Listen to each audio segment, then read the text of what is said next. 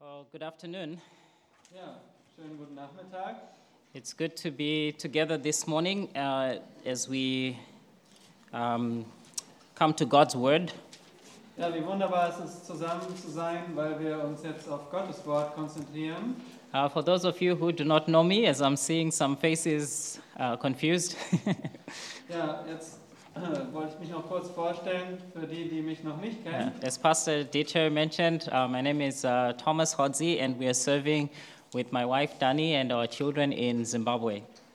Mein Name ist Thomas Hotzi und als Familie dienen wir in Simbabwe. It's been such a blessing to be able to partner with you and in the progress of the gospel in Zimbabwe. Es ist auch ein Vorrecht für uns, dass wir Partner sein dürfen, das Evangelium Jesu Christi voranzubringen. We have been encouraged by you as a church. Und wir sind ermutigt durch euch als Gemeinde. Even though you may not see that with us being separated by miles and miles of water, Auch wenn wir uns durch äh, so viele äh, so viele Kilometer, ähm, wenn wir durch so viele Kilometer getrennt sind und But- ihr das nicht seht. but we think of you often and we're so thankful for how you think of us very often.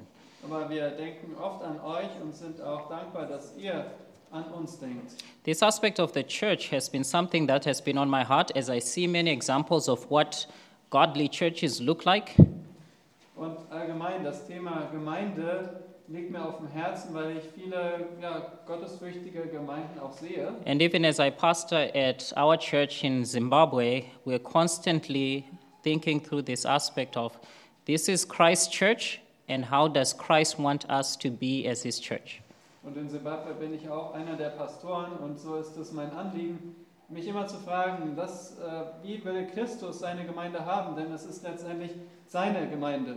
So, in light of those thoughts that um, have been um, consumed by, particularly in the last couple of years, I would like for us to look at this text in the Revel- book of the Revelation, chapter 2. Und da dieses Thema Gemeinde auch mir am Herzen liegt, vor allem die letzten beiden Jahre habe ich darüber nachgedacht, deswegen lasst uns heute Offenbarung Kapitel 2 aufschlagen.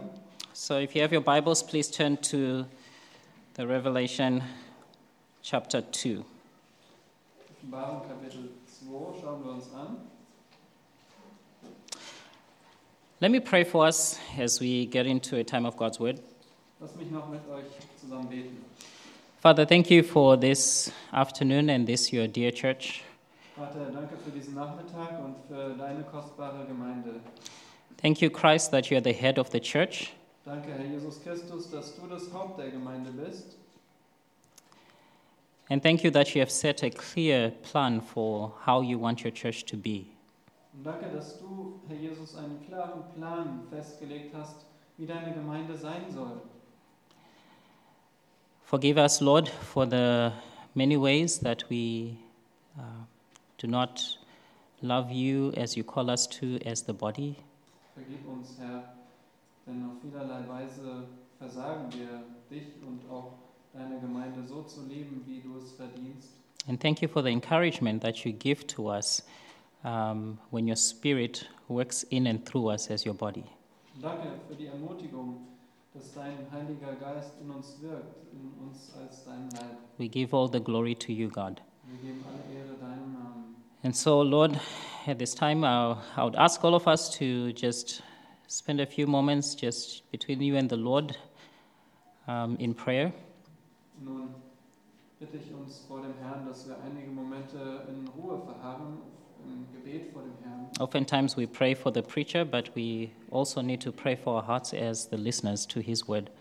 Ja, wir müssen auch für uns als Zuhörer beten. So please just take this time. If there is need for confession of sin, this would be the time to do that as we ask God to open our hearts to hear His word.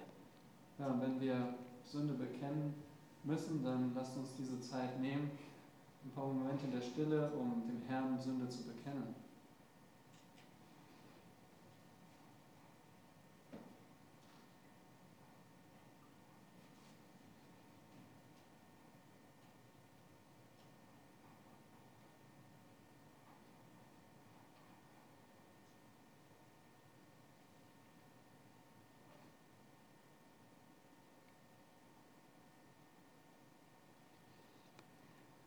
And so, Father, may you rebuke us where we are unruly.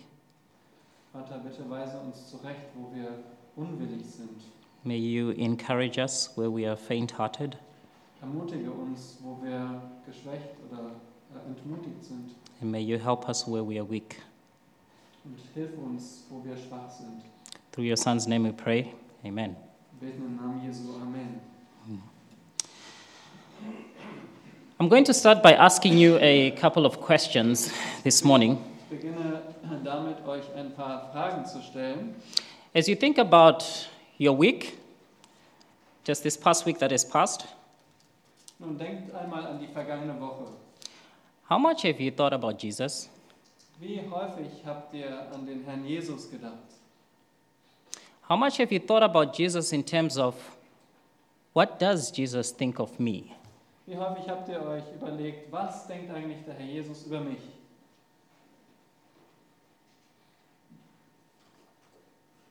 What does Jesus think about me in terms of where I'm doing well and where I'm not doing well? Was denkt der Herr Jesus über mich äh, darüber, wo ich die Sache gut mache und wo ich äh, die Sachen nicht gut tue?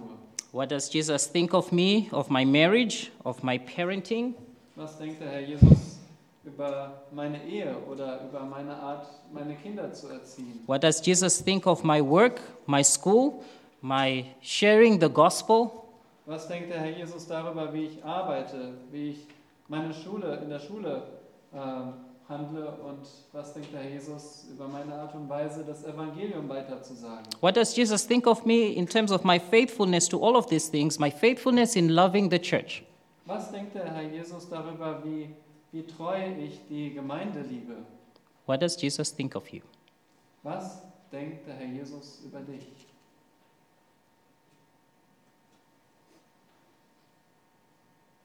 Perhaps you could even go further, as I've even talked about this. You are part of the church, but as a whole, as a body, what does Jesus think of this church? Und wir können das auch auf uns alle beziehen. Was denkt der Herr Jesus über uns als Gemeinde? What does Jesus think we're doing well?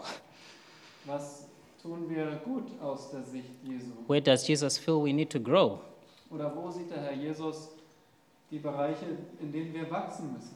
Now, you may stop and ask this question well, Thomas, why is this important? Why are you asking these questions? Nun könntet ihr äh, einspringen und sagen, Thomas, warum ist das wichtig? Warum sollten wir uns diese Fragen stellen? I ask these questions because this is what Jesus constantly thinks about Ich stelle diese Frage, weil das sind die ständigen Gedanken unseres Herrn. as he seeks for his name to be honored and glorified as head of the church. Und er sucht ja seinen Namen zu verherrlichen und er ist das Haupt dieser Gemeinde. Now, John is writing the book of the Revelation while he's on the island of Patmos. Der Apostel Johannes schreibt das Buch der Offenbarung, während er auf der Insel Patmos ist. Th- This would be around 95 AD, which would make this the last book that's written in the Bible. Wahrscheinlich schrieb er um 95 nach Christus und das würde das Buch der Offenbarung zum letzten Buch des neutestamentlichen Kanons machen. In chapter 1, verse 1 and 2, he tells us that God gave him this revelation to show his church the things that must soon take place. Und in äh, Kapitel 1, Vers 1 bis 2 lesen wir, dass Gott ihm diese Offenbarung gegeben hat, um ihm zu zeigen, was rasch geschehen soll. He is told that, that by God that this book that he's writing is to be sent to the seven churches that are in Asia Minor. Und durch Gott empfängt er auch den Befehl, dass dieses Buch an sieben Gemeinden in Kleinasien gesandt werden sollte. And, and you get to see those churches in chapter 2 and chapter 3. Und diese sieben Gemeinden, die lernen wir in Kapitel 2 und 3 kennen. And John is, being, is writing this during a time where the church is going through intense persecution.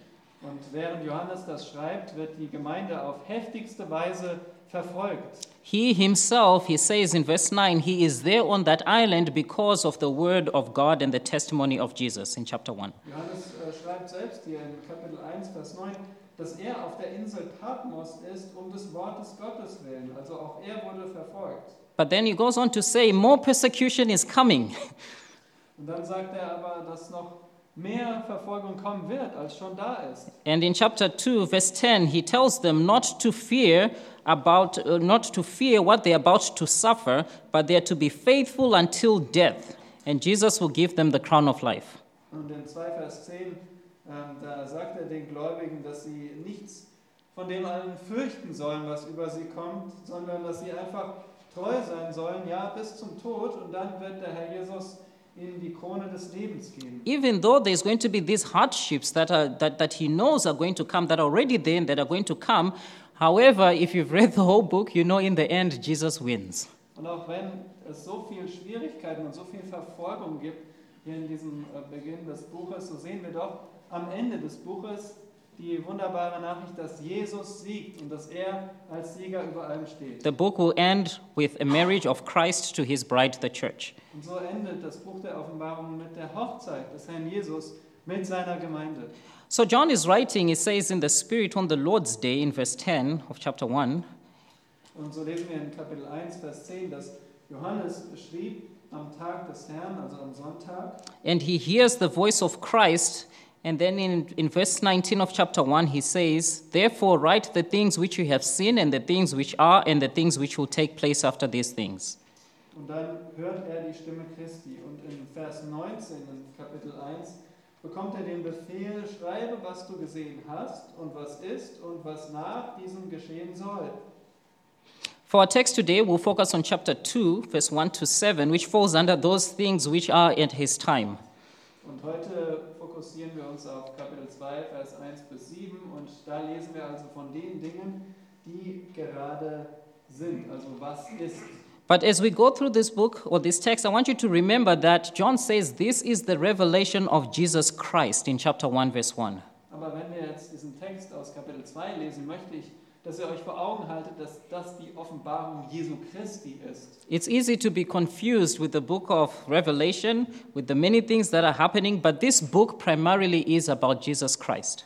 Wir können leicht verwirrt werden durch manche Ereignisse in diesem Buch, aber ich möchte, dass ihr versteht, das Hauptthema, die Hauptperson des Buches ist der Herr Jesus Christus. It exposes Jesus' will, it exposes his victory, his sovereignty, In diesem Buch lesen wir und sehen wir Jesu Willen, wir sehen Jesu Souveränität und auch Jesu Sieg. it exposes his love and his plan for the church, not just then, but also today.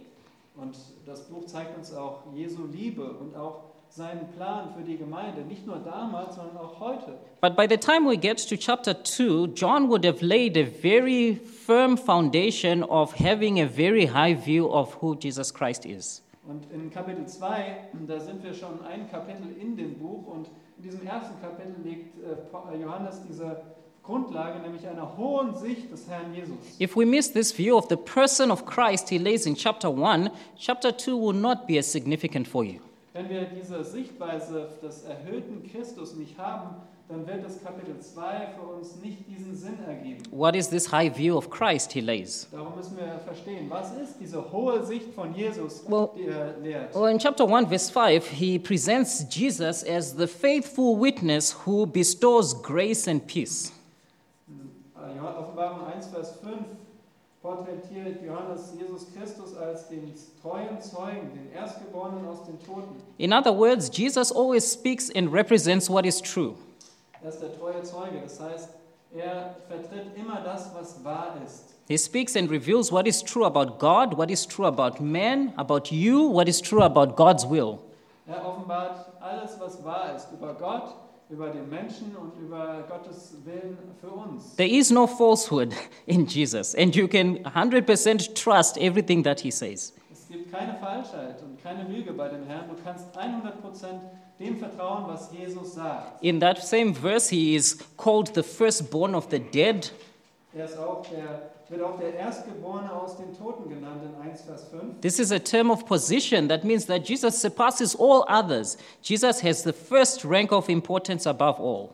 Und das drückt die Stellung des Herrn Jesus aus, dass er über allen steht und dass er den obersten Rang hat in allen Dingen. In chapter 1, verse 5, he is also called the ruler of the kings of the earth. In 1 Vers 1, äh, Kapitel 1, Vers 5 wird er auch der Fürst über die Könige der Erde genannt. That means his sovereignty is absolute. He is over everyone and has the name above all names. Seine Souveränität ist vollständig und er hat den obersten Namen, den obersten Rang über jedem und allem. This Jesus, it says in verse 6, is glorious and has dominion forever. 1, Vers 6 lesen wir, dass dieser Jesus, er ist herrlich und seine Macht währt von Ewigkeit zu Ewigkeit. This Jesus, it says in verse 7, is coming with the clouds and every eye will see him. That's Dieser future. Jesus, äh, dieser Jesus wird mit den Wolken kommen und äh, jedes Auge wird ihn sehen. Das äh, liegt noch in der Zukunft. The focus here is now on unbelievers, in that when Jesus comes back, there will be no mistake as to who Jesus actually is.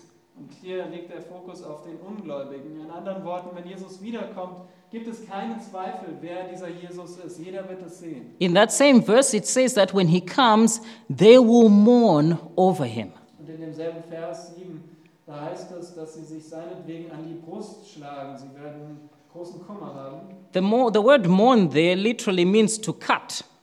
Das Wort an die Brust schlagen oder trauern heißt wortwörtlich schneiden. This is not a mourning of repentance. In fact, this word was associated in pagan rituals of, of people cutting themselves out of despair. Aber das ist hier kein Zeichen für wahre Buße, sondern es, es drückt dieses heidnische Ritual aus, sich zu, zu schneiden und sich Schaden zuzufügen. So, this is a mourning of despair, of terror, as they are confronted by their doom as they see Jesus Christ as he is. Und es drückt hier die Trauer aus derer, die voller Entsetzen sehen, dass sie nun kein Entrinnen haben, dass ihr Schicksal feststeht, weil Jesus wiederkommt. And if you do not know Jesus Christ this afternoon and you're in this room, this will be you. Und wenn du heute Nachmittag hier in diesem Raum Jesus Christus nicht kennst, dann ist das dein Schicksal, was- unless you repent before it's too late. wenn du nicht umkehrst, bevor es zu spät ist. So John sees Jesus in all his glory and he is terrified. Und auch Johannes sieht den Herrn Jesus in all seiner Herrlichkeit und er ist entsetzt. It says in the, sec- in the first part of verse 17 of chapter 1 When I saw him, I fell at his feet like a dead man. Am Anfang des Verses 17 steht, und als ich ihn sah, fiel ich zu seinen Füßen nieder wie tot. His strength left him and he was overwhelmed by the glory and power and the magnitude of Jesus Christ. Seine Kraft verließ ihn und er war einfach überwältigt von dieser Größe, von diesem Anblick des Herrn Jesus. In chapter 17, Jesus he describes himself as the first and the last, meaning that he is eternal and he has no beginning, he has no end. In Offenbarung äh, Kapitel 17 beschreibt er sich als den ersten, oder in Vers 17 beschreibt er sich als den ersten und letzten. Also in anderen Worten, er hat keinen Anfang und kein Ende. In verse 18, he, is, he, he calls himself the living one. In Vers 18 nennt er sich den Lebenden. He is the one who holds all life in his hands, both physical life, spiritual life, all are held in his hands. Der Jesus hält in seiner Hand alles Leben, ob es jetzt körperliches Leben ist oder geistliches Leben. Er hat alles Leben in seiner Hand. Earlier on in Colossians chapter 1, Paul would have talked about Jesus Christ holding everything together. Das erinnert uns an Kolosser 1, wo geschrieben steht, dass der Herr Jesus alle Dinge durch das Wort seiner Macht erhält. Who is this Jesus that John is painting? Wer ist dieser Jesus, den Johannes uns vorstellt? He is the one who, in Revelation chapter 1, verse 18, says, He was dead, and behold, I am alive forevermore. Er ist der eine, der einst tot war und jetzt wieder lebt und der für immer lebt. In that same verse, this Jesus also says, He holds the keys of death and Hades. Vers 18 heißt es auch, äh, dass er die Schlüssel des Totenreiches und des Todes hält. He rose from the dead and he conquered death. And that's why Paul would say in 1 Corinthians chapter 15, Oh, death, where is your sting? Er hat den Tod besiegt, er ist von den Toten auferstanden und deswegen schreibt Paulus in 1. Korinther 15, O Tod, wo ist dein Stachel? It is this Jesus who appears to John and tells him to write the message to the seven churches, the first of which we'll look at today.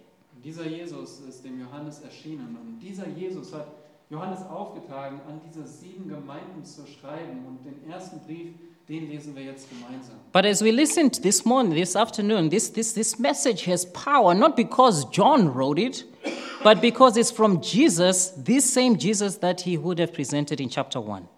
Aber diese Botschaft, die Johannes hier niederschreibt, die hat nicht ihre, ihre Macht, ihre Gewalt, weil es Johannes Worte sind, sondern weil sie von Jesus kommen, weil es seine Worte sind. It's from Jesus whom you, you, you see in all his glory, who, who, who, who John fell to as a dead man. Es sind Worte, die von Jesus kommen, von Jesus, der alle Macht hat und vor dem Johannes wie tot auf den Boden fiel. So, what does he say? Was What sagt i- dieser Brief? What is his message? Was ist die Botschaft des Herrn Jesus? Jesus' message is directed to the church. Jesu Botschaft richtet sich an seine Gemeinde. He has a particular love for the church that he died for, that he forgave of their sin, that he has made a kingdom of priests. Und Jesus hat eine ganz besondere Liebe zu seiner Gemeinde, für die er starb und die er zu einem Königtum von Priestern macht. He is the head of the church. It is his church. He died for this church for his own glory. Und Jesus ist das Haupt der Gemeinde. Es ist seine Gemeinde und er hat sein Blut gegeben für diese Gemeinde. He has served them for this purpose to glorify and honor him. Und äh, diese Gemeinde soll seinen Namen verehren, sie soll ihn verherrlichen. But how are these churches doing?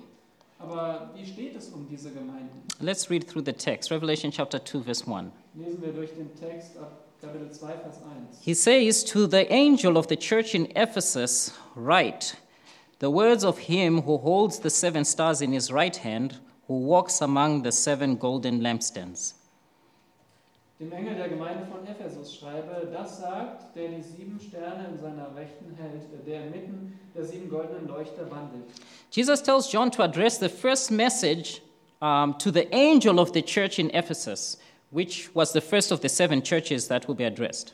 Und Jesus befiehlt dem Johannes, dass dieser Brief an den Engel der Gemeinde von Ephesus gerichtet wird, also die erste Gemeinde, die hier adressiert wird. The word angel literally means messenger and should be taken as just that in this text.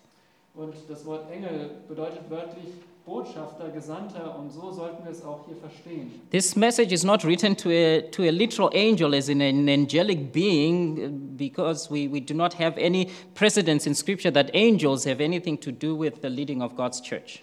Und dieser Brief wird ähm, hier nicht an einen tatsächlichen Engel, an ein Engelwesen gerichtet. Wir finden keinen anderen Fall, wo, wo Engel eine Rolle in der Gemeindeleitung spielen. If we also translated it as angelic being, we would have problems later on because he will call for repentance later on in the text, and holy beings cannot be called to repentance. Wenn wir dieses Wort Engel einfach hier als Engelwesen verstehen, dann bekommen wir Schwierigkeiten, wenn wir weiterlesen, denn dort werden diese Engel zur Buße aufgerufen und ein vollkommenes Wesen kann ja nicht Buße tun. But we do see that same word, angel, in the original, uh, speaking of messenger, used elsewhere, like such as in Luke chapter 9, verse 52, where Jesus sends messengers ahead of him. He uses that word for messenger, angel. He sends them ahead of him to uh, the village of the Samaritans. Aber wir sehen genauso in der Schrift, dass dieses Wort Engel als, als ein Botschafter, als ein gewöhnlicher Gesandter verwandt, verwendet wird, zum Beispiel in Lukas 9, Vers 52, wo es dafür gebraucht wird, dass der Herr Jesus Botschafter voraussandte in ein Dorf der Samariter. So the word angel here is to be taken as a human being who represents the church in some way, most likely in this case, a pastor or an elder. So, hi- also hier wird das Wort Engel also für einen Menschen verwendet, der ein, ein äh, Vertreter der Gemeinde ist, also wahrscheinlich ein Pastor, ein Ältester. This is the letter. This letter is primarily written to, to that pastor or elder and by extension to the whole church at Ephesus. Und so wird dieser Brief an den Ältesten, an den Pastor der Gemeinde gesch geschickt und dieser vertritt ja die Gemeinde, also es ist eine Botschaft an die gesamte Gemeinde. At this stage, Ephesus was the most prominent city in Asia Minor, and in fact, all, it was the mother church to all these other six churches that will be addressed by Christ. Interessant, dass Ephesus die markanteste Stadt und auch Gemeinde war in dieser Zeit und dass alle anderen sechs Gemeinden aus dieser Gemeinde in Ephesus entstanden. It was a church that was well taught and had great leadership. Diese Gemeinde war sehr gut belehrt und sie hatte herausragende Leiter. It had had leadership and discipleship from people such as Prisca and Aquila, Paul and Timothy, and even John himself. Und in dieser Gemeinde in Ephesus haben über die Jahre Männer gedient wie Prisca und Aquila. Dort war auch Apollos oder ein Paulus und Timotheus und der Apostel Johannes selbst hat dort gewirkt. In fact, when John writes Second John, he's writing from Ephesus and he refers to himself as the elder, most likely which was a reference to his position in the church at Ephesus. Und Johannes schreibt den zweiten Johannesbrief aus, aus ähm, Ephesus und dort beschreibt er sich auch als den Ältesten. Und so hatte er selbst diese Position in der Gemeinde. So this was a very well taught church. Diese Gemeinde war wirklich sehr gut informiert, sehr gut belehrt. In the second part of verse 1, we read whom the letter is from. In der zweiten Hälfte von Vers 1 lesen wir, von wem dieser Brief kommt. And it says it's from the one who holds the seven stars in his right hand, the one who walks among the seven gold lampstands. Das heißt hier, dass dieser Brief von dem kommt, der die sieben Sterne in seiner Rechten hält, der inmitten der sieben goldenen Leuchter wandelt. Who is this one? Wer ist dieser eine? This is Jesus. Das ist Jesus. We get a chilling description of him earlier on in chapter 1, in the second part of verse 13, um, that, that later causes John to fall like a dead man. Und wir bekommen eine furchterregende Beschreibung dieses einen des Herrn Jesus in Kapitel 1, Vers 13 bis 15. It says, I saw, and John says, I saw one like a son of man, clothed in a robe reaching to his feet, and girded across his chest with a golden sash. His head and his hair were white like white wool, um, like snow, and his eyes were like a flame of fire. His feet were like a bonded, burnished uh, bronze when it has been made to glow in a furnace, and his voice was like the sound of many waters. Dieser eine wird hier beschrieben in Vers 13, der einem Sohn des Menschen glich, bekleidet mit einem Gewand, das bis zu den Füßen reichte und um die Brust gegürtet mit einem goldenen Gürtel. Sein Haupt aber und seine Haare waren weiß, wie weiße Wolle, wie Schnee, und seine Augen waren wie eine Feuerflamme, und seine Füße wie schimmerndes Erz, als glühten sie im Ofen, und seine Stimme wie das Rauschen vieler Wasser. I could only imagine what this might have been like. Ich kann mir kaum vorstellen, wie das gewesen sein mag. I come from a country where we have the Victoria Falls, the widest waterfall in the world. Ich komme von einem Land, äh, wo wir die, die breitesten Wasserfälle der Welt haben, die Victoria. And as, as you approach Victoria Falls themselves, up at least about one or two kilometers away, you can hear the sound of the rushing waters. Und Man kann das Rauschen dieser Wasserfälle hören, wenn man schon so bis zwei Kilometer an den Wasserfall rankommt. But I know that will be nothing compared to this Jesus. Aber das wäre nichts im Gegensatz zu, dem, zu diesem Jesus, den wir hier sehen. So, but, but what is this one, this Jesus? What is he doing in chapter 2, verse 1? Aber was ist dieser eine, Herr Jesus? Was äh, äh, tut er in 2 Vers 1? Well, you learn that he's doing two things. Er tut zwei Dinge, beobachten wir das mal. It says he holds the seven stars in his right hand and he walks among the seven golden lampstands.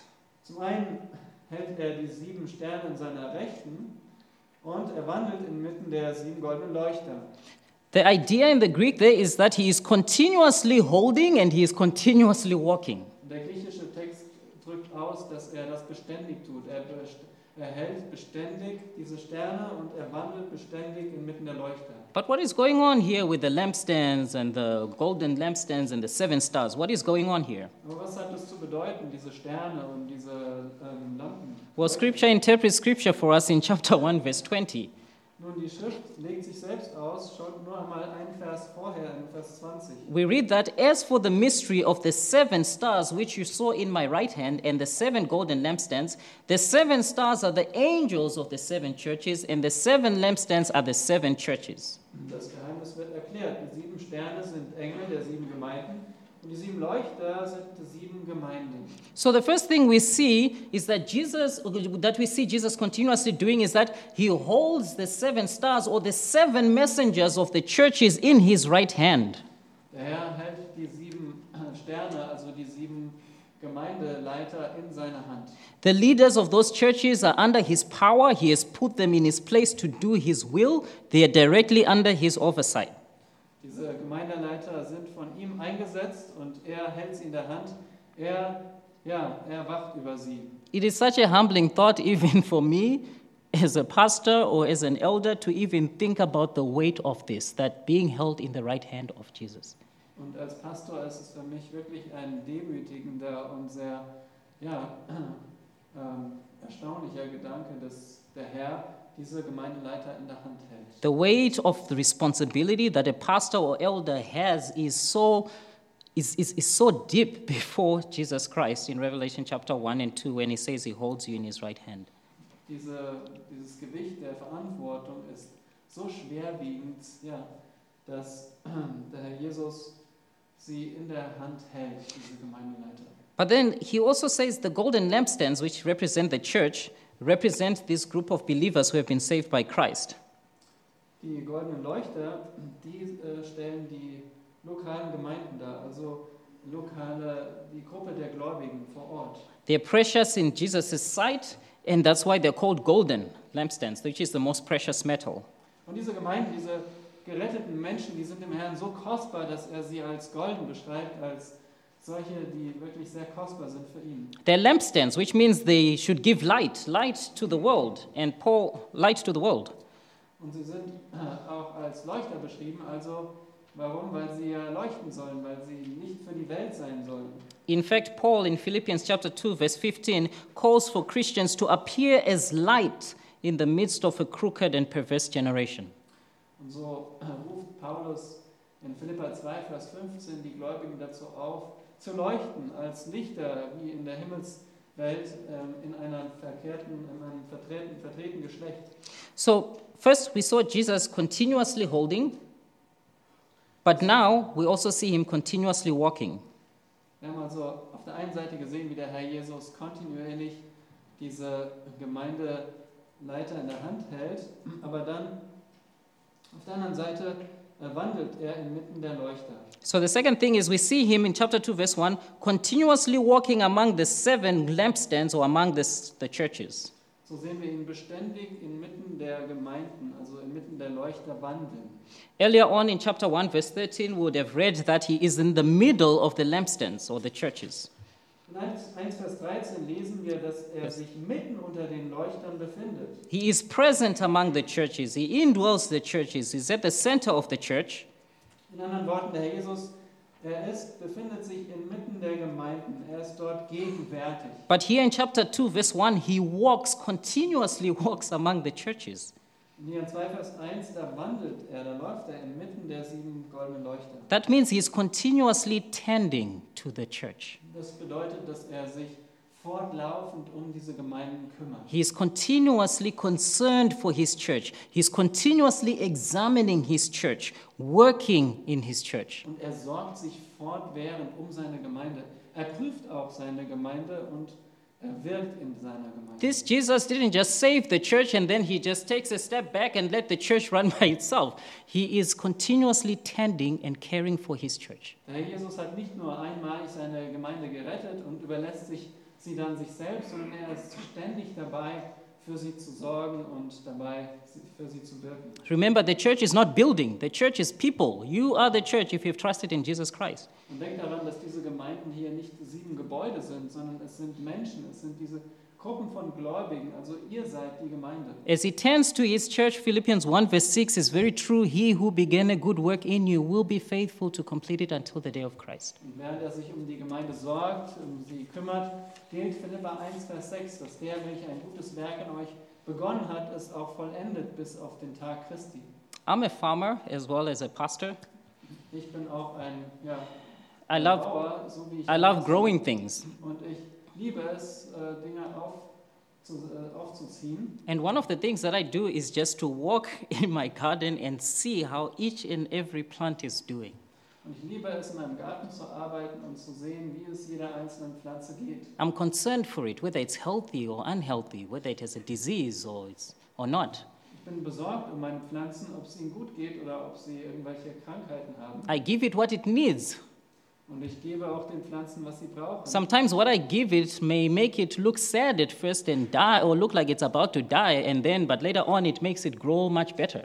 Manchmal versorge ich meine Pflanzen mit Dingen, die es erstmal, sie sch- erstmal schlechter aussehen lassen, aber dann wachsen sie doch weiter und es wird gut mit ihnen. In a similar but much greater way, Jesus continuously tends to his church. In einer ähnlichen, aber viel größeren Art und Weise kümmert sich der Herr um seine Gemeinde. So, what is his assessment? Was ist seine Prüfung? Look at verse 2, Was ist seine Bewertung in Vers 2? just the first two words Die ersten beiden Worte. I know, Ich kenne. I know. Ich kenne. The word he uses, therefore, know, is not that of knowing through experience or through observation, Dieses Wort für kennen hier ist nicht das Wort einer Erkenntnis Erkenntnis durch Erfahrung. It is the word oida in the Greek that speaks of this complete, perfect knowledge. Dieses Wort Euda im Griechischen drückt vollständige und vollkommene Erkenntnis aus. In fact, he will say this for all the seven churches. Und das sagt er tatsächlich zu jeder dieser sieben Gemeinden. To Smyrna in verse 9, he says, I know your tribulation and your poverty. 2 Vers 9. Ich kenne deine Werke und deine Drangsal und deine Armut. To Pergamum in, in verse 13, he says, I know where you dwell. 2 Vers 13.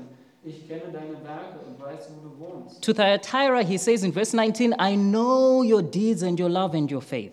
2 Vers 19. Ich kenne deine Werke und deine Liebe und deinen Dienst. To Sardis, I know your deed.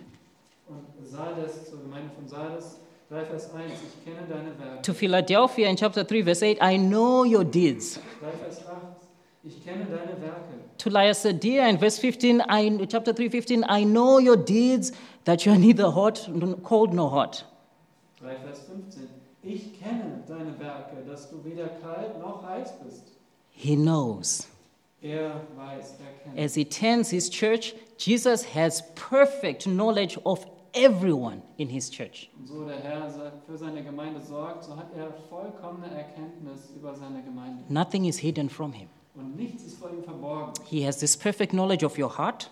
Er hat das vollkommene Wissen He über has dein this Herz. perfect knowledge of what motivates you. Er kennt deine Motivation. He knows what is said in secret behind closed doors. Er kennt auch die Worte hinter den verschlossenen He knows what Türen. is going on in the hearts of people when they say the things that they say. Und er weiß, was in den Herzen vorgeht, wenn sie die Dinge sagen. die He sie knows what motivates you, sagen. Er weiß, was dich antreibt. whether as an individual or as a member of his body. Ob es jetzt auf dich persönlich zutrifft oder auf die ganze He Gemeinde. perfectly knows what you're struggling with. Er kennt auch deine Kämpfe. He perfectly knows what you gossip about, what you're anxious about. Er weiß auch, worüber du lästerst oder worüber du ängstlich He perfectly knows what you're passionate about. Und er erkennt auch deine Leidenschaft. He perfectly knows why you do the things you do, even if some of those things may seem very spiritual. Und auf vollkommene Weise weiß er, wa- welche und warum du die Dinge tust, die sehr geistlich scheinen mögen. He knows. Er kennt. He knows. Er kennt. So you ask the church, you ask, what, well, Jesus, what do you know about this church at Ephesus? Und wir fragen den Herrn Jesus, was weißt du über diese Gemeinde in Ephesus? He starts with the good things that he knows about the church at Ephesus, which is very encouraging. Ja, und er beginnt mit den guten Dingen, die er über Ephesus weiß. Und das ist sehr ermutigend. Chapter 2, he says, I know your deeds and your toil and perseverance, and that you cannot tolerate evil men, and you put to test those who call themselves apostles, and they are not, and you found them to be false. And you have perseverance and have endured for my name's sake and have not grown weary. 2 Vers 2. Ich kenne deine Werke und dein Bemühen und dein standhaftes Ausharren und dass du die Bösen nicht ertragen kannst und dass du die geprüft und die äh, geprüft, die behaupten, sie seien Apostel und sind es nicht und hast die als Lügner erkannt und du hast schweres Ertragen und hast standhaftes Ausharren und um meines Namens willen hast du gearbeitet und bist nicht müde geworden. So he says, I know your, your, your deeds and your toil. Ich kenne deine Werke und ich kenne dein Bemühen. That word toil there is the Greek word that talks about you laboring to the point of exhaustion. Und Dieses Wort bemühen beschreibt hier ein, ein Arbeiten bis, zum, Po- äh, bis zur Erschöpfung. I know that. Ich, ich weiß darum. I know you cannot tolerate evil men. Ich weiß auch, dass du nicht die falschen, bösen Menschen tolerieren kannst. In fact, perhaps the, the church in Ephesus would, would, would, would, would, would remember uh, Paul's words when he left the church in Acts chapter 20, verse 28 to 31. Vielleicht hat sich diese Gemeinde auch an Paulus Abschiedsworte, die wir in Apostelgeschichte 20 And he lesen, warns them that evil men, wolves, will come in their midst. wo er sie warnte, dass räuberische Wölfe zu ihnen hineinkommen werden. You have heeded those words. I know that, and you cannot tolerate those evil men. Und der Jesus sagt, ich weiß, ihr habt euch an diese Worte gehalten, ihr habt diese räuberischen Wölfe nicht bei euch geduldet. He even says, I know your perseverance. You have been, you've been patient during these trying times of persecution, and more persecution is about to come. Der Jesus sagt auch, dass er ihr Ausharren kennt, das Ausharren in der Verfolgung. Und es wird noch mehr Verfolgung kommen. I know this. Ich weiß darum. In fact, in verse 6, Uh, we'll skip to verse 6 of chapter 2. He even says, I know you even hate the deeds of the Nicolaitans. Wir springen zu 2 Vers 6, wo es davon heißt, dass der Herr Jesus äh, auch weiß, dass sie die Werke der Nikolaiten hasst, die ich auch hasse. We don't know much about this group, Wir wissen nicht viel über diese Gruppe der Nikolaiten, but, but of what we know in chapter, uh, later on in verse 14 to verse 15 of chapter 2, aber von dem, was wir später lesen in 1 Vers 14 bis 15, is that this was a group that, that, that, that, that, that liked things such as idols and, and, and, and approved things such as sexual immorality. es war eine, eine Gruppe, die Götzendienst betrieben und auch sexuelle Unmoral tolerierten. But he says, I know you hate those deeds. Der Jesus sagt, ich weiß, dass du diese Dinge hasst. He perfectly knows. Er weiß auf vollkommene Weise darum. Christ perfectly knows the good things of this church, Bibelgemeinde. Der Jesus kennt auch auf vollkommene Weise die, die guten Dinge über die Bibelgemeinde, because he tends to this church as well. weil er sich auch um diese Gemeinde sorgt und kümmert. He knows all your toils. Er kennt eure Mühe, He is there as he tempts this lampstand. He, he, he knows perfectly everything that happens at this pulpit. Und er weiß auf vollkommene Weise alles, was auch an dieser Kanzel passiert. He knows how you listen to God's word. Er weiß darum, wie ihr auf Gottes Wort hört. He knows perfectly what happens during those difficult meetings, the elders' meetings. Er kennt auch die schwierigen Ältestentreffen. He knows perfectly when you meet every Sunday, when your youth group meetings, when your Sunday school meets. Er weiß darum, wann immer wir uns treffen, am Sonntag in der Wachstumsgruppe.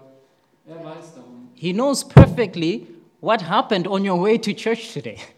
Er weiß sogar darum, was geschehen ist, als ihr auf dem Weg zur Gemeinde gekommen seid. He knows perfectly how you're striving to love your wife and your children, Er weiß darum, wie ihr euch bemüht, eure Frau, eure Ehepartner or how you're striving to love your, your, your, your, your, your husband. oder wie ihr euren Mann liebt. He perfectly knows everything. Er weiß auf vollständig und vollkommen He, perfect, alles. he perfectly knows your thoughts, your intentions, why you're doing what you're doing, why you're saying what you're saying. Er kennt auch deine Motivation, deine Absichten. Er weiß, warum ihr Dinge sagt. He knows perfectly the love that is there in the body here. Er kennt auch die Liebe unter euch. And like the church in Ephesus, I think there is great encouragement when you think about all these things that Christ knows every good thing that he's producing in our church. Und ich denke, es ist eine große Ermutigung, darüber nachzudenken, dass der Herr all, um all die guten Dinge weiß, die hier geschehen. He knows the faithfulness. Er kennt eure Treue. Praise the Lord. I believe my family told me that you just had a service sending out, this was this church, sending out to plant another church, right? Ja, preis den Herrn, dass wir erst einen Aussendungsgottesdienst hatten, um eine Gemeinde auszusenden. He knows perfectly. Er weiß alles. I don't know about you, but when I think of this, even for our church, it's such a huge encouragement, and praise the Lord for that. Ich weiß nicht, wie es euch geht, aber für mich ist es eine große Ermutigung, wenn ich auch an meine Gemeinde denke. that he knows the difficult times our church in Zimbabwe is going through. Er kennt diese schwierigen Zeiten, durch die wir als Gemeinde in Simbabwe gehen. He knows how, how it has been hard to persevere and pursue the love of the brethren. Er weiß, wie schwierig es ist, auszuharren und immer weiter nach der Bruderliebe zu streben. He knows how it has been hard to practice contentment and how it, how, how it has been hard to intentionally fellowship. Er weiß, wie schwierig es ist, sich bewusst zur Zufriedenheit zu entscheiden und immer wieder Gemeinschaft untereinander zu suchen. He knows the sacrifices that we make even when we, do, when we have little, when we have no food and no water and no electricity, how, how we strive to love one another and care for each other in the body. He knows. Ja, er weiß auch um unser Bemühen, wie wir danach streben, immer mehr einander zu lieben, auch wenn wir kaum Strom und, und kaum Wasser und kaum Lebensnotwendigkeiten haben, die wir dennoch immer wieder einander lieben wollen. He knows for this church in Berlin how you have been doing well in persevering. Und er weiß auch über euch Bescheid, wie ihr ausharrt, In the midst of a crooked and perverse generation. inmitten einer verdrehten Generation. Because it's hard. It's hard. Das ist sehr hart. Not many people are coming to Christ, and people want to just go their way and, and, and listen to their flesh. Es kommen nicht so viele Menschen zu Christus, wie sie kommen müssten und Sie folgen lieber ihren eigenen Begierden, ihrem eigenen Fleisch. And perhaps people even look at you weird that you even come to church, that you believe in Jesus. All these things that are going against the culture, He knows how you're persevering. Und vielleicht äh, denkt ihr, wie, was, wie, wie komisch ist das denn, dass ich jetzt hier bin in dieser Gemeinde, dass ich dem Herrn Jesus nach He knows, will. he knows how many hours, countless hours, have been spent in prayer for this church, Und er kennt auch jede einzelne Stunde, die im Gebet für diese Gemeinde verwandt how wurde. much counsel has happened in this church, and how much shepherding has happened in this church. He knows. Wie viel Rat es in dieser Gemeinde schon weitergesprochen wurde. Wie viel Hirtendienst schon geschehen ist an den Geschwistern. Er weiß es. He knows the tears that have been shed out of love for Him and His church. Er kennt auch die Tränen, die vergossen wurden aus Liebe zu seiner Gemeinde. He knows you have not grown weary. Und er weiß, dass wir nicht müde geworden sind. He perfectly knows. Er weiß es vollkommen.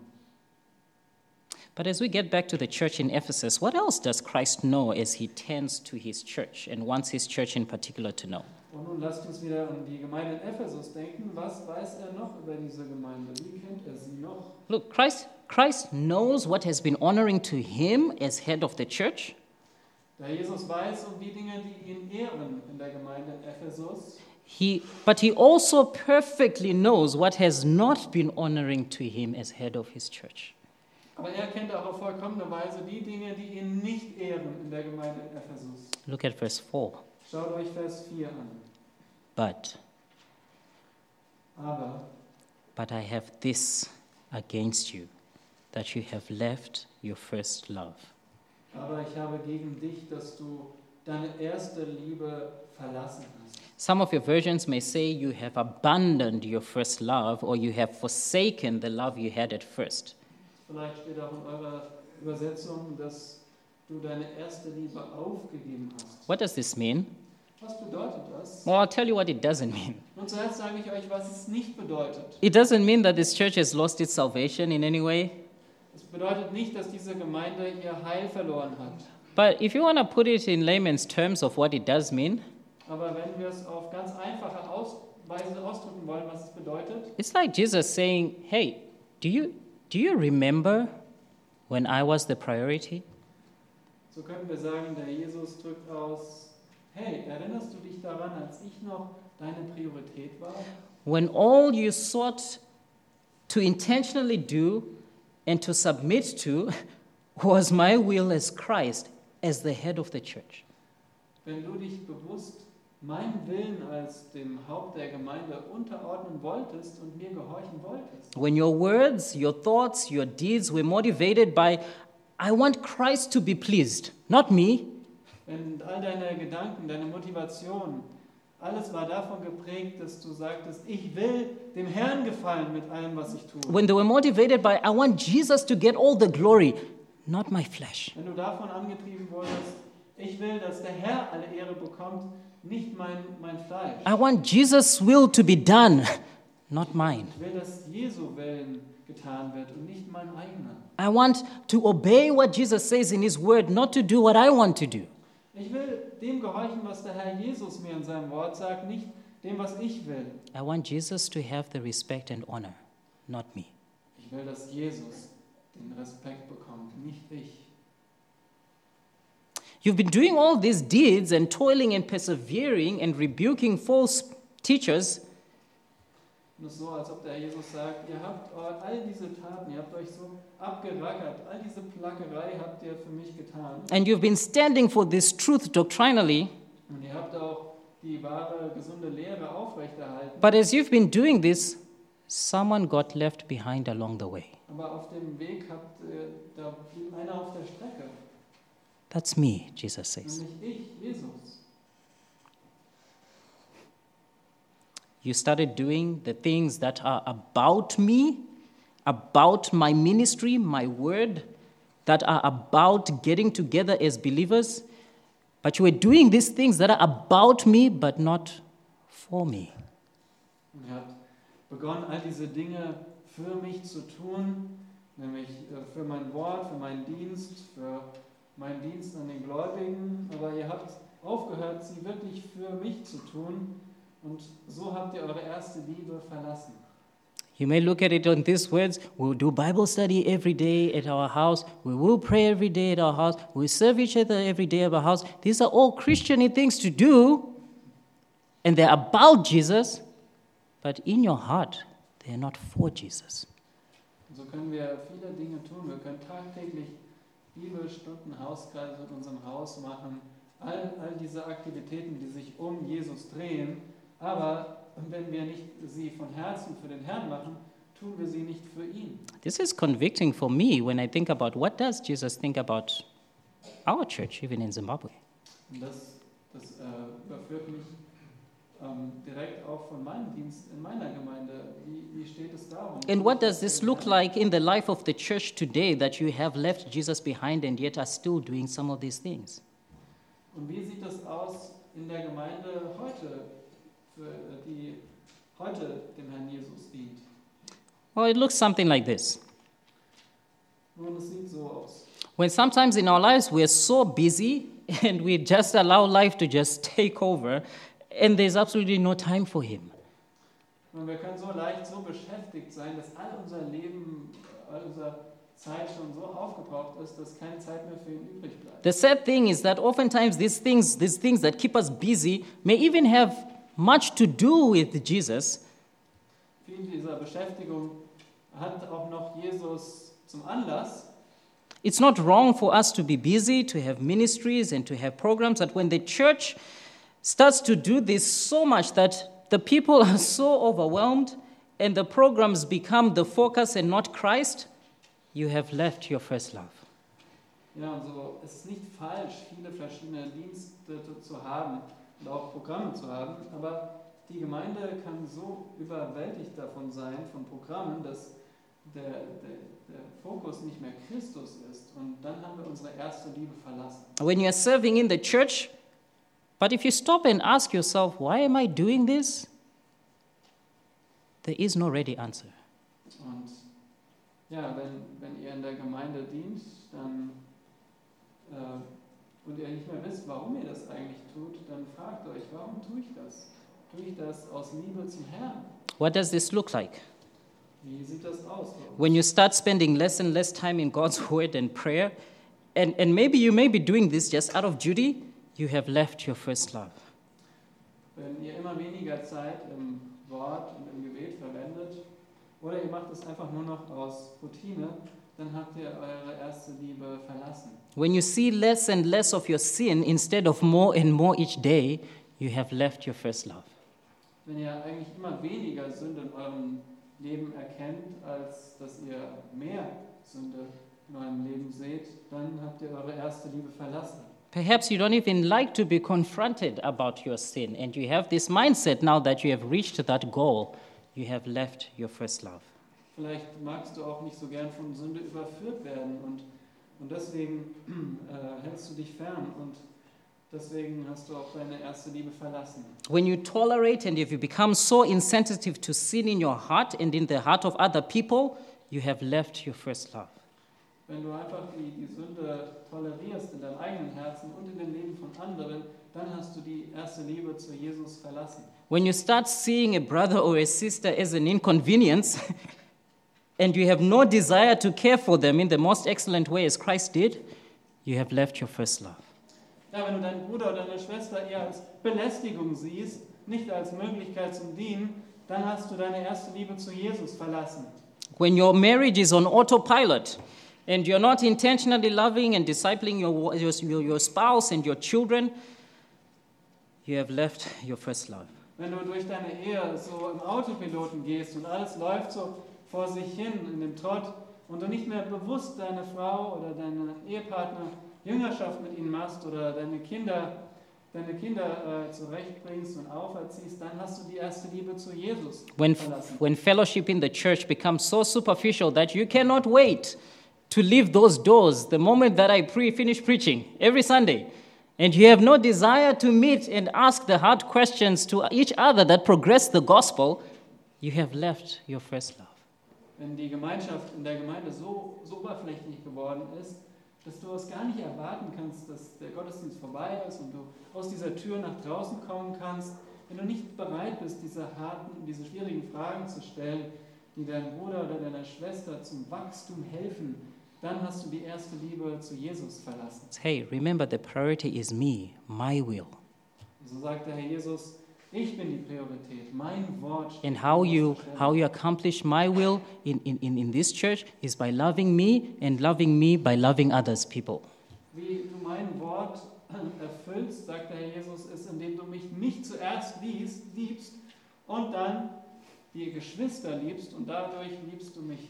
The Lord knows where our church is in Zimbabwe in this as well and what we're struggling with. And we're constantly asking this question what does Jesus think of us? Der Herr weiß auch um unsere Gemeinde in Simbabwe und womit wir kämpfen und äh, er möchte, dass wir uns immer wieder fragen, was denkt der Herr Jesus über uns? He knows as he tends the lampstand of our church in Zimbabwe that, that he perfectly knows where we strive to persevere in the midst of much tribulation, where we have complained like the Israelites did in the wilderness. Und der Herr Jesus kümmert sich um seine Gemeinde, um seinen Leuchter und indem er das tut, da, ja, da weiß er auch um unsere Kämpfe und um unsere Verfolgung und wo wir uns beklagt haben, wie die Israeliten in der Wüste. He knows, he perfectly knows. Er kennt uns, er kennt uns auf vollkommene Weise. He knows what's truly going on in our hearts when we make decisions as the leaders in our church. Wisst ihr, er kennt unsere, unsere Herzen, was wirklich in uns vorgeht, wenn wir Entscheidungen treffen. He knows. I don't know, but he perfectly knows. Ich weiß es nicht, aber der Herr kennt uns, der Herr weiß es vollständig. So, this is the question Und hier kommt die Frage. both to you personally and to you as a church, as one of the lampstands. Stell dir selbst diese Frage und frag, fragen wir uns als Gemeinde, als sein Leuchter. What does Christ think of you? Was denkt der Herr Jesus Christus über dich? What does Jesus think of you? Was denkt Jesus über dich? What does he perfectly know? Was weiß er schon auf vollkommene Weise über mich? Here's the even more scary question Aber hier kommt noch eine viel furchterregendere Frage. What does Jesus have against you? Was hat der Herr Jesus Christus gegen dich?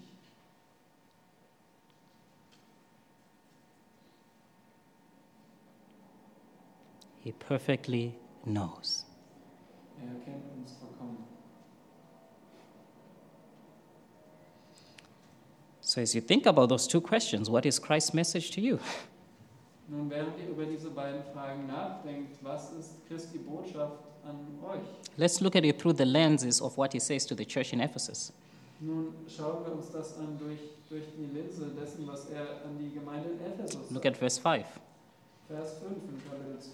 Therefore, remember from where you have fallen and repent and do the deeds you did at first, or else I am coming to you and I will remove your lampstand out of its place unless you repent. Bedenke nun, wovon du gefallen bist, und tue Buße, und tue die ersten Werke, sonst komme ich rasch über dich. Repent. Are you done? Repent. Turn away from your sinful ways and turn towards me. Tue Buße, kehre um zu mir, Turn towards me, the one who is in the middle of the lampstands, and walks among the lampstands, kehre um zu dem, der inmitten der Leuchter wandelt. who is constantly tending to his church and knows everything perfectly. der sich stets um seine Gemeinde sorgt und der alles auf vollkommene Weise kennt. The one whose eyes are like a flame of fire, as John saw. Und seine Augen sind wie Feuer. The one whose, whose voice is like the sound of many waters. Und seine Stimme ist wie das Rauschen vieler Wasser. The one whom out of, out of whose mouth came a sharp two-edged sword, and John fell like a dead man before him. Und aus seinem Mund kam wie ein zweischneidiges Schwert und, und Johannes fiel einfach wie tot auf den Boden vor ihm. Repent and do the deeds you did at first. So tue Buße und tu die ersten Werke, die du zuerst getan hast. In other words, cultivate in you those same deeds, those same motives, those same desires that you had at first as you loved me. Und, und pflege diese Werke, pflege diese Motive und diese, dieses Verlangen, das du zu Beginn hattest, als du mich liebtest. But if you do not, Aber wenn du das nicht tust, there are consequences. dann gibt es Folgen. Later on in chapter 3, verse 19, he says to the church in Laodicea, Später in Kapitel 3, Vers 19 spricht er an die Gemeinde in Laodicea. Those whom I love, I reprove and discipline. Therefore, be zealous and repent. Alle, die ich lieb habe, die überführe und züchtige ich, so sei nun eifrig und stur Buße. It is a fearful thing to receive the discipline of the Lord. Es ist furchterregend, die Züchtigung des Herrn zu erfahren. In this case, in the church at Ephesus, the discipline and the consequences are very specific. Und hier in der Gemeinde von Ephesus ist diese Züchtigung sehr direkt, sehr spezifisch. That if you do not repent, church at Ephesus, I will remove your lampstand. Hier sagt er, wenn du nicht Buße tust, so werde ich deinen Leuchter von seiner Stelle wegstoßen, wenn du nicht Buße tust. What does that mean? Was bedeutet das? I will let this church die. Ich werde diese Gemeinde sterben lassen. I will let this church die. Ich werde diese Gemeinde sterben lassen. That's how serious Jesus takes his holiness and the purpose of his church. So ernst nimmt der Jesus seine Heiligkeit und die Absicht mit seiner Gemeinde. Because you may be accomplishing all these things, but if you're not taking seriously the sinfulness of man and the holiness of God, he will, rep- he will take it very seriously. Ihr könnt euch so in Programme und Aktivitäten investieren, aber wenn, du nicht, wenn ihr nicht die Heiligkeit Gottes und die Sündhaftigkeit des Menschen ernst nehmt, nehmt dann werdet ihr einfach, Remember, he's the head of the church, dann werdet ihr einfach and he's saying, Und er ist das Haupt der Gemeinde, der Herr Jesus. I'm the head of the church and you're not honoring me. Ich bin das Haupt und ihr ehrt mich nicht. A church like that in Ephesus, a church that continues in unrepentant sin, does not meet the purposes of Christ. Eine Gemeinde, die in unbußfertigem Handeln fortfährt, die wird nicht die Absicht des Herrn Jesus ausführen. I don't know about this church, and I don't know about you personally, Und ich kenne diese Gemeinde nicht gut genug und ich kenne auch dich persönlich nicht. But if you think about, about, about, about how, how Christ is writing to the church, the, the, the, the, the, the, the, the, the message in the church, and by extension to everyone in the church, we have to ask ourselves those serious questions. Aber der Herr Jesus schreibt nicht nur an einzelne Personen, sondern auch an die Gemeinde, an seine Gemeinde. Und so müssen wir uns selbst auch diese Fragen stellen. The consequences may not be the same as this, but Christ does reprove those whom he loves. Die Folgen mögen nicht dieselben sein, aber der Herr Jesus weist alle zurecht, die er liebt. Both on a personal level and as- on a corporate level. Und das macht er persönlich, er weist uns persönlich zurecht, aber auch uns als Gemeinde. How does he end this? Wie beendet er diesen This message to the church in Ephesus. Diese, diese Botschaft an die Gemeinde in Ephesus? Look at verse 7. Schaut euch Vers 7 an. He who has an ear, let him hear what the Spirit says to the churches. To Yeah. him who overcomes, I will grant to eat of the tree of life which is in the paradise of God. Wer ein Ohr hat, der höre, was der Geist den Gemeinden sagt. Wer überwindet, dem will ich zu essen geben von dem Baum des Lebens, der in der Mitte des Paradieses Gottes ist. Who is the one who overcomes? Wer ist derjenige, der überwindet? 1 John chapter 5 verse 4 to 5 tells us that the one who overcomes is the true believer, right?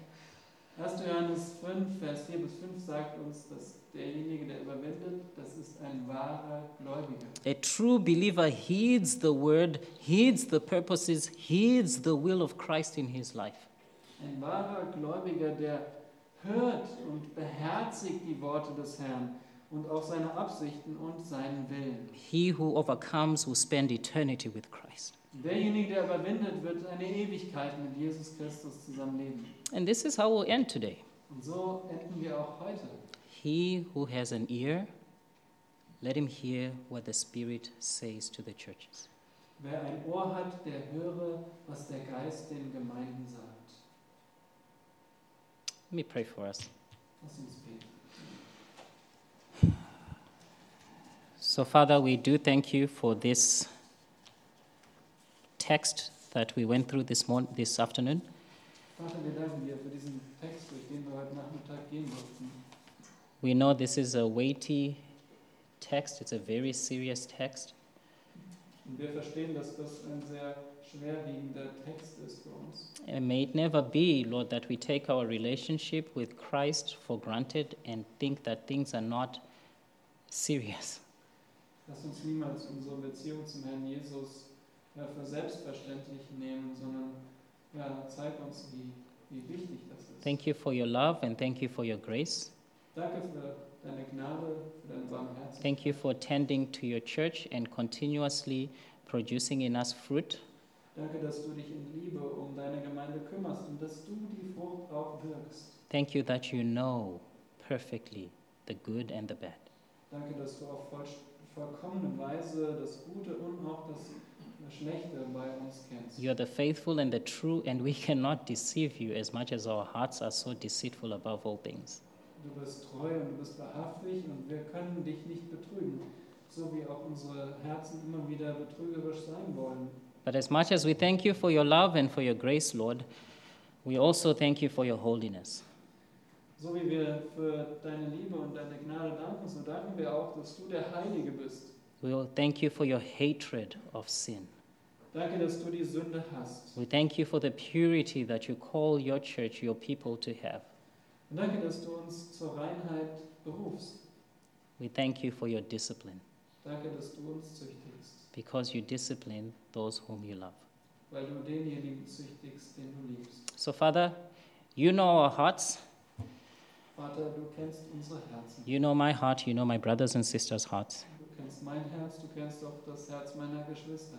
May your spirit convict us, Lord, of sin, of righteousness, and judgment. Überführe uns von Sünde, von Gerechtigkeit, von deinem Gericht. May we who have an ear, may we hear what your spirit is saying and repent where we need to repent. Und lass uns, die wir Ohren haben, hören, was dein Geist sagt und lass uns Buße tun, wo es nötig ist. And as I prayed earlier on, may you rebuke us where we are unruly. Und weise uns zurecht, wo wir ungerecht wandeln. May you encourage us where we are faint hearted. Und ermutige uns, wo wir einfach entmutigt sind. And may you help us through your spirit where we are weak. Und stärke uns durch deinen Geist, wo wir schwach sind. In Jesus' name we pray. In Jesu Namen. Amen.